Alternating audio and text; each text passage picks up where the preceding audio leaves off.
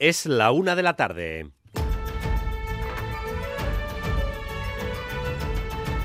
Crónica de Euskadi con Dani Álvarez.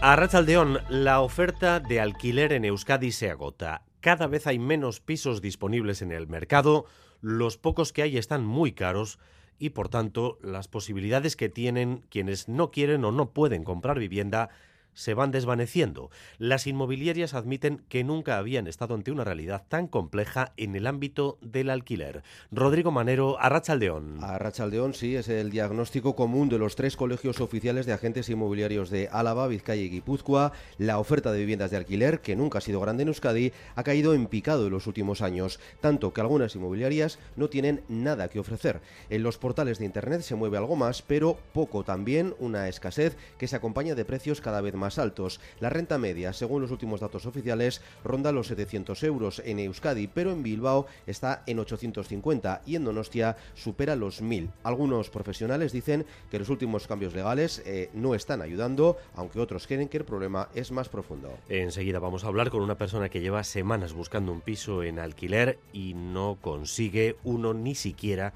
cambiando de localidad de residencia. Mientras el gobierno vasco y el PNV abren una nueva fase en la posibilidad de ampliar el Guggenheim en Urdaibai. Ahora las instituciones hablan de una mirada más global sobre el conjunto de la comarca de Urdaibai. No hay una decisión definitiva sobre el Guggenheim en la comarca y no parece que la vaya a haber al menos en dos años, pero sí existe un planteamiento claro de la necesidad de revitalizar la zona en lo medioambiental y en lo económico. Escuchen a Vin en Zupiría y a Ichaso Atucha.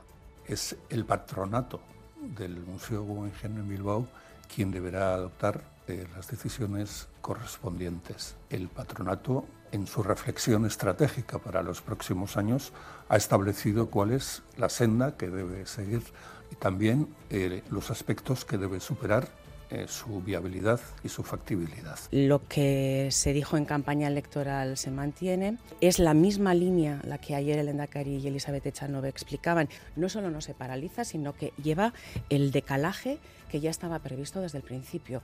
Por cierto que el Endacari Urgullo irá a Bruselas a hablar del autogobierno de las naciones sin Estado dentro de Europa en próximas fechas.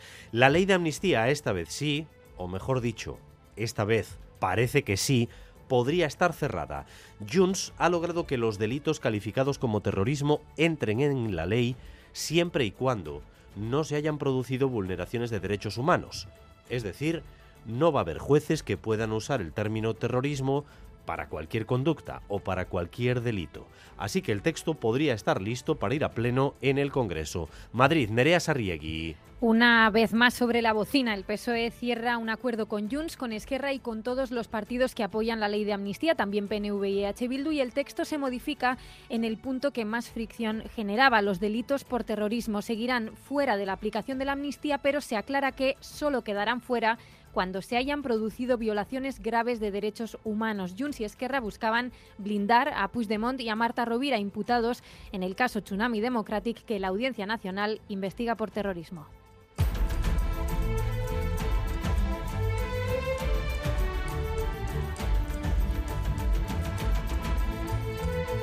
Estamos a unos minutos de que la Academia de Hollywood dé a conocer los nominados este año para los Oscars. Mientras, las iniciativas Pantalla que Euskaras y Cinema que Euskaras han hecho públicos los números de la presencia del euskera en los cines el año pasado.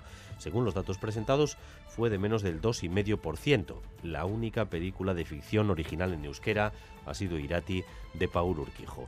Agurne Gaueka, portavoz de Beatokia. Beharrezkoa da euskararen presentzia legez bermatuko duen araua jorratzea, bai Euskal Autonomia Erkidegoan zein Nafarroko Foru Komunitatean, eta horretarako uste dugu eskumenak izan badituztela. Y una empresa tecnológica que pertenece a uno de los fundadores de ChatGPT, es decir, uno de los que domina el negocio de la inteligencia artificial, está captando fotos de forma voluntaria de cientos de personas en Bilbao, sobre todo chavales jóvenes quieren sus datos biométricos.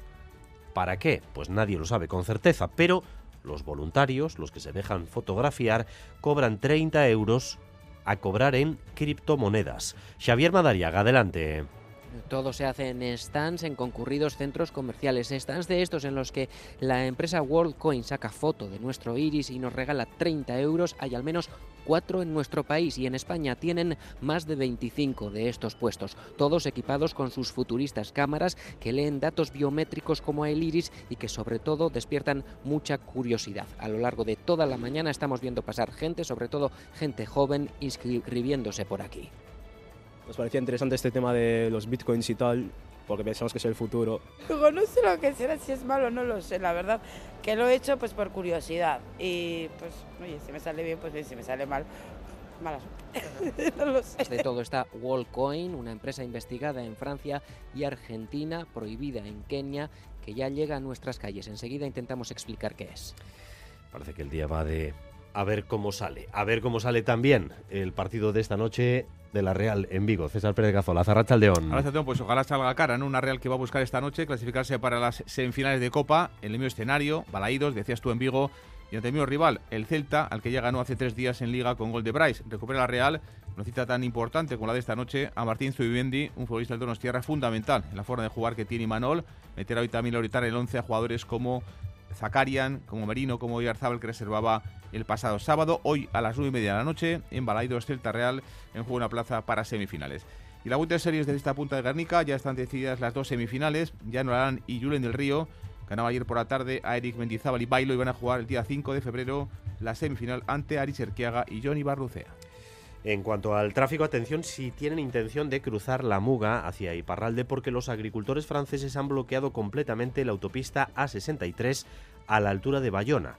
A mediodía las retenciones llegaban desde Bayona hasta Vidar, Mayal en Soro. Y eso son 15 kilómetros de retenciones. Muchísimos camiones y coches permanecen atrapados a esta hora. De momento, según el Departamento de Seguridad, el tráfico no se ha visto afectado en el lado guipuzcoano. Precisamente hace unos minutos se ha decidido cerrar el paso a los camiones hacia Francia para evitar que se formen retenciones en la 8. Los vehículos pesados no pueden pasar a esta hora la muga hacia Francia. Se esperan más protestas durante todo el día, por lo que la A63 en Iparralde seguirá bloqueada y se están desviando ya el tráfico por carreteras secundarias. En cuanto al tiempo, jornada primaveral y ambiente soleado hoy en todo el territorio con temperaturas bastante altas para esta época, sobre todo en la costa. 11 grados tenemos en Pamplona, 13 en Vitoria-Gasteiz y 17 marcan los termómetros en Bilbao, Donostia y Bayona.